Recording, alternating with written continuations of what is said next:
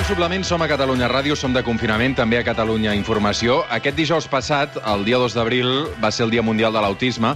Aquest any el col·lectiu ha estat en el punt de mira de manera desafortunada i és que no parem de sentir històries aquests dies de pares, de mares, de nens que tenen autisme i aquests dies surten al carrer i es troben en situacions molt incòmodes. Històries, per exemple, com el de la Maia Castanyer. Maia Castanyer, què tal? Bon dia. Hola, bon dia, com estàs, Roger? Molt bé, i tu? Bé, aquí aguantant el confinament, com podem. A veure, Maia, el, el teu fill gran, um, el Teo, um, crec que té autisme. Uh, sí. Explica'm què us ha passat aquests dies quan heu sortit al carrer a passejar. Doncs mira, el que ens va passar la primera vegada, que va ser just quan encara no estava clar que els nens no poguessin estar al carrer, que va ser com del dijous aquell que van ja mig dir que l'endemà no s'anava al col·le, fins a després de, del cap de setmana, que va ser quan es va decretar l'estat d'alerta, de, en aquell cap de setmana vam anar un moment, els nens i jo, doncs, a buscar, un, a, a donar una cosa als, als meus pares, que viuen relativament a prop, vam anar-hi caminant, i perquè el teu es desestressi, que necessita fer esport i que no en fa gaire, doncs eh, sempre porta un patinet. I el germà, que és més petit, porta un altre patinet per estimular-lo, per fer curses entre ells, i així el teu exercita, fa una mica d'exercici físic. Aleshores estava jo esperant que baixessin els meus pares doncs, de, per, per, per fer aquest intercanvi de material, mm -hmm. ja amb mascaretes i tot, i, i ells doncs, van anar una mica més endavant per un carrer que hi havia prou vorera, no hi havia problema, però una senyora doncs, els va increpar. Els va increpar els dos sense ser-hi jo, per la qual cosa el Teo podia haver fet qualsevol cosa, com, e com era contestar-li o, o, o atabalar-se o posar-se nerviós o, o passar de tot, que en aquest cas el Teo va passar de tot, però el petit es va quedar força impactat. Aleshores, eh, això va ser la primera així, ja, situació que vam tenir de... Perquè la senyora els va dir, a casa, hauríeu d'estar a casa, com molt agressiva, no? I clar, mm -hmm. són dos nens, al final són dos nens. Eh, tinguin autisme o no, eh? però aquesta és l'altra. I després, eh, la segona ocasió, ja va ser quan van dir que hi havia permís per sortir per les persones amb autisme, vam estar a les associacions, jo formo part d'una de les associacions que es diu Aprenem, eh, que defensa dels drets de les persones amb autisme vam estar apretant per aconseguir doncs, que se'ls inclogués en aquest decret com aquesta excepció de poder fer sortides terapèutiques. El primer dia que es va donar aquest permís eh, vam sortir un altre cop. En aquest cas vam anar a un carril bici que hi ha a la Diagonal, que és molt ample, que no hi ha gent, que evidentment ja en estat de confinament ja sabíem que no trobaríem gairebé ningú, i allà vam anar un altre cop amb els dos patinets perquè, insisteixo, el Teo doncs, una, és una de les seves rutines per fer esport és aquesta. Mm -hmm. implica que el seu germà també porta un patinet. Aleshores ens vam trobar de cara amb dos vehicles de la Guàrdia Urbana que se'ns van posar com, bueno, com ens van barrar el pas.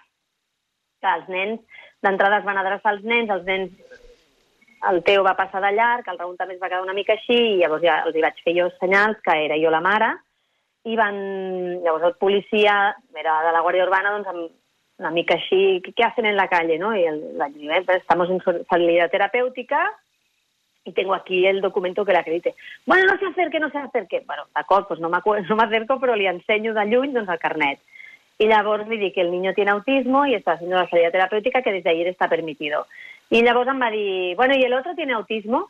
I clar, aleshores em vaig veure en la tesitura d'haver-li d'explicar que visc sola amb els dos nens i que un acompanya l'altre i que forma part de la seva sortida terapèutica ajudar el seu germà. Eh, I aleshores en aquest cas ja em va deixar passar. Però sí que han estat dues situacions que el que han fet és que ni un ni l'altre pràcticament, el Teo sí que m'ho demana de tant en tant, però ja no volen, és a dir, ja no em demanen de sortir. Explica'm, Maia, per què és tan important que els nens que tenen autisme puguin sortir al carrer. Nens i adults, eh, Roger? És molt important sí, sí. pensar que aquests dies també hi ha persones adultes que ho necessiten. Mhm. -huh. Doncs perquè les persones amb autisme tenen certs rituals. Són rituals que els ajuden a estar tranquils. Si no tenen aquests rituals i no tenen com el seu espai configurat, eh, això els genera molt estrès i l'estrès deriva en conductes autolesives cap a ells o cap a altres persones. Aleshores, per evitar que això passi, eh, una, de les una de les maneres que sempre s'ha fet que és per desestressar-se és fer esport o fer alguna activitat relativament física o sortir al carrer i fer un dels rituals que ells tenen al carrer. Els rituals són aquestes mesures d'autoregulació. Per mm -hmm. exemple, el Teo, doncs, quan surt, va a la, anem a una plaça que tenim a prop de casa, que hi ha un munt de carrers peatonals al voltant, i ell té permís per fer doncs, una ruta, perquè ell s'inventa rutes al cap pensant en transports públics, i aleshores es fa una ruta fent les parades en el seu cap. amb el patinet i va doncs, per uns carrers peatonals on no hi ha ningú, on hi ha gent però que ell respecta, i fa aquestes rutes. Clar, això ja no ho podem fer, perquè encara que jo pugui fer una sortida terapèutica amb el Teo, no el puc deixar sol. Perquè si el deixo sol, té el risc de tocar alguna cosa, que algú el toqui a ell, o que algú l'increpi, o que la Guàrdia Urbana l'aturi. Aleshores, ell no sap gestionar això. Per la qual cosa és molt important que aquestes sortides existeixin per autorregular-se. Molt important. Uh, Maia, aquests dies hem sentit molt a parlar de la possibilitat que els nens i les persones amb autisme surtin al carrer amb un mocador blau, una mena de distintiu per evitar trobar-se en el tipus de situacions que ara ens explicaves. A tu què et sembla aquesta idea? A mi particularment no m'agrada. No Per m'agrada què? perquè, perquè crec que és com és com revictimitzar-nos, és com que nosaltres hem de justificar... Assenyalar, no? Una... Sí, sí. Sí, és que és una cosa que tenim dret a fer. Aleshores, per què jo haig de justificar-ho d'alguna manera o per què t'haig d'explicar tu? Tu has de ser educat i tu has de tenir la bona educació de respectar les persones que si estan a carrers per algun motiu. Perquè si no, se les hauran de veure amb la policia, no amb tu que des d'un balcó em crides. No, no. Jo m'hauré de veure amb la policia cada vegada que surti i li hauré d'ensenyar la meva acreditació conforme tinc una persona amb autisme. Aleshores, mm, de què jo m'haig de portar un rètol o... Eh, alguna vegada ho he pensat, de tenir un rètol, i... però és que, és, que, és que no, és, que, és com si per ser dona has de portar cada dia un braçalet blau, ai, un braçalet lila, no?, perquè sóc dona, i és que, és que no entenc, no. Per mi, des del meu punt de vista, no té cap sentit. Maia Castanyer, gràcies per traslladar el teu testimoni a l'antena del suplement. Moltes gràcies a vosaltres per atendre'ns. Dos minuts per arribar a un quart d'una del migdia. Deixeu-me que saludi també el Josep Salvat. Josep, què tal? Bon dia. Bon dia, com estem? Molt bé, el Josep té un fill també que té autisme. Aquests dies s'ha vist en situacions complicades. Eh, em diu la Sònia d'Olofeu, que és la nostra productora, eh, que és a l'estudi de Catalunya Ràdio, Diagonal 614, que estan trucant un munt de famílies que se senten interpel·lades per aquest tema que estem tractant ara mateix. Eh? Josep, què t'ha passat? Bé, deixa'm dir una cosa abans, perquè sempre, si m'ho permets, molt ràpidament, sempre acabo parlant molt del Josep Enric. Tinc dos fills. Tinc el Josep Enric, que té 10 anys, i tinc el Gerard, que en té 7 i que ara m'està escoltant. I, I et dic, Gerard, per antena, que t'estimo molt, tant com el Josep Enric. I, I el que passa és que sempre acabo parlant molt més del Josep Enric.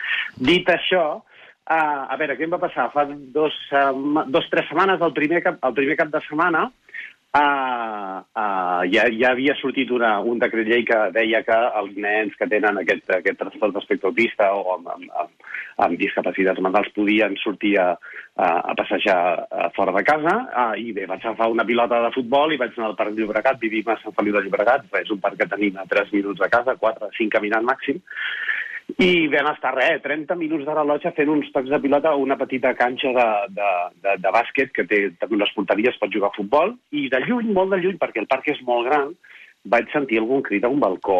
Però la veritat és que no hi vaig donar més importància i no vaig, no vaig pensar que anés per nosaltres. Uh, uh, què va passar? Quan vam, vam acabar aquests, aquests 30 minuts, uh, ja dic, res, mitja horeta, al sortir del parc i caminar cap a casa, sí, sí, ens vam trobar efectivament una patrulla de la policia local de Sant Feliu de Llobregat, que ens va aturar, ens va demanar, i bueno, jo, doncs molt tranquil, li vaig treure el carnet de discapacitat al Josep Enric, els hi vaig explicar, i no, no ho van entendre. Aleshores vaig lligar caps, vaig entendre que aquells crits que sentia la llunyania del balcó segurament anaven per nosaltres, Uh, uh, I, bueno, un cop ho vaig explicar a la policia, doncs ja ho van veure, no? I va dir, no, no, no pateixi, que no el denunciarem. Van prendre nota del meu nom, el meu cognom, el meu DNI, el, el certificat de discapacitat, portàvem un document que me l'havia enviat en PDF la meva dona al mòbil i els hi vaig ensenyar explicant que aquest nen té aquest trastorn i aquest certificat de discapacitat i sí que em van demanar, home, diu, el proper cop procura, si pots, doncs no, no posar-te un parc d'una manera així tan visible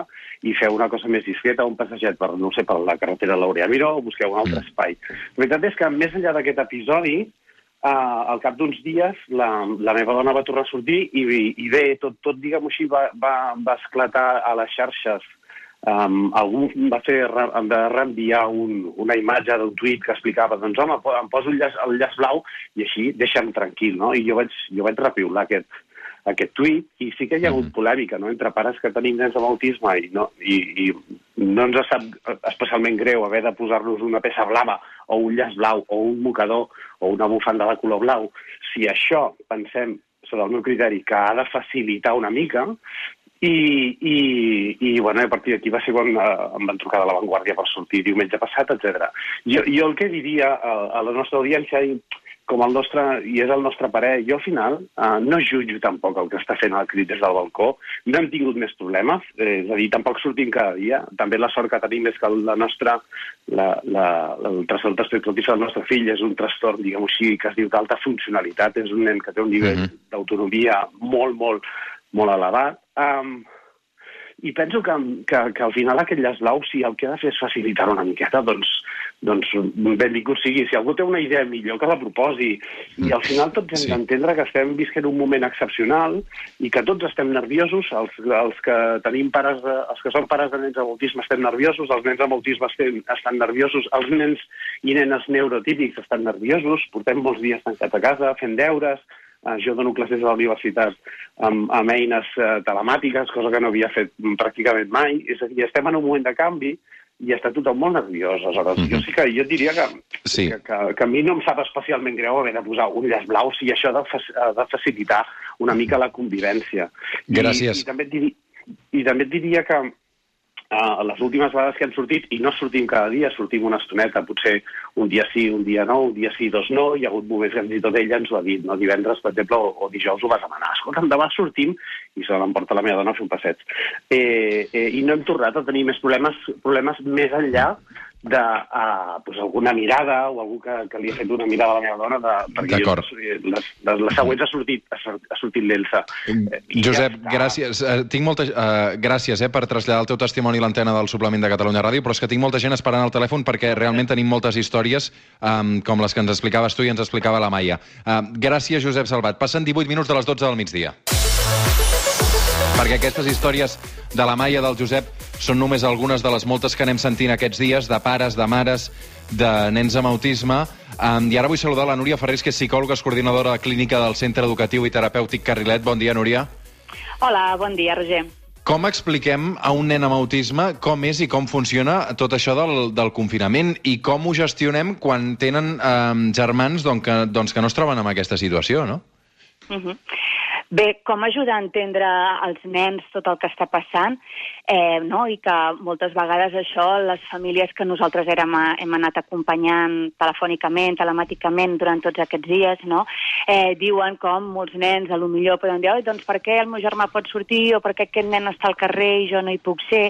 I jo crec que aquest com poder ajudar a entendre els nens que hi ha altres nens que necessiten coses diferents no és una pregunta exclusiva d'aquesta situació actual que estem vivint, sinó que és la feina clau del que es treballa en la inclusió. No? És a dir, la inclusió precisament no és que tots som iguals i tots mereixem ser tractats de la mateixa manera, sinó que la inclusió significa que tots som diferents i que mereixem ser ajudats les coses que cadascú necessitem. No? Aquesta és la feina diària que fan tots els mestres a les escoles, juntament amb els EAPs, amb els equips d'assessorament psicopedagògic, que acompanyen a les escoles en aquest viure en la diversitat, en què hi ha molts nens que necessiten coses diferents i que tots han de poder rebre ajudes diferenciades. Mm. Jo penso que la pregunta potser no et va tant uh, encaminada a com ajudem a entendre els nens aquestes diferències, perquè jo crec que ja ho viuen cada dia. Jo crec que els nens comprenen molt millor que no pas els, de, els, els adults. Jo penso que també ens podríem preguntar com ajudem els adults a comprendre que hi ha diferents situacions que estan explicades per motivacions diferents i que, malgrat tots vivim una mateixa situació, uns requerim d'unes ajudes i d'altres no. I jo crec que això els hi costa molt més als adults que no pas als infants. Precisament fixem molt la mirada amb els infants, però clar, eh, d'adults amb realitats autistes eh, també n'hi han, um, i, i segurament encara estan menys visibilitzats, no? Uh, la situació es complica més encara?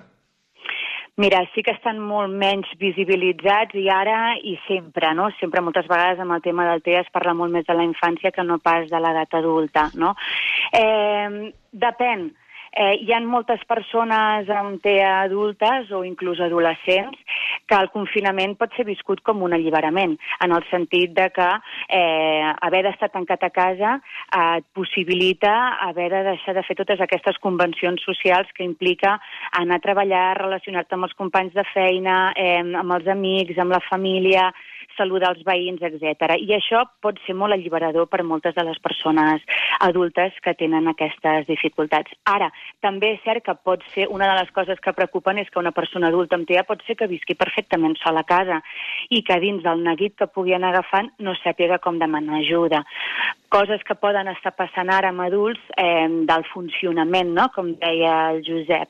Eh, hi ha persones adultes amb TEA del funcionament que poden, per exemple, entrar en bucles de pensament entorn al coronavirus i que vagin emmagatzemant informació que no puguin en sortir-se'n de bucles de la por a contagiar, a ser contagiats i que això els hi generi un nivell d'angoixa brutal. Jo fa poc parlava uh -huh. amb unes persones d'un pare que estava tancat a dins de l'habitació i la dona em trucava dient és que només té una mica de tos i està dins de l'habitació amb el mòbil, mirant informació, etc. No? I vam intentar pensar de quina manera poder contactar amb la psiquiatra perquè pogués receptar algun tipus de medicació que, que l'alleugís aquest, aquest nivell d'angoixa que en aquell moment estava patint aquesta persona. I Núria... després... Sí, digues, perdona. No, no, no, és que vull dir, tinc més gent... Um, digues, digues, sí. acaba.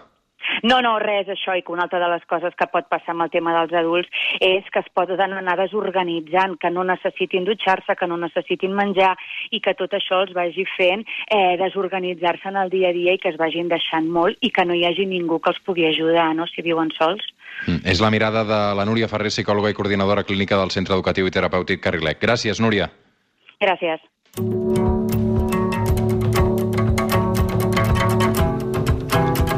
De moment, amb distintiu o sense, la majoria dels nens amb autisme tenen permís eh, per sortir al carrer quan ho necessiten. Molts d'ells, com ens ha explicat ara eh, la Núria, potser preferirien, en aquest cas també per les condicions en què es troben, eh, quedar-se a casa.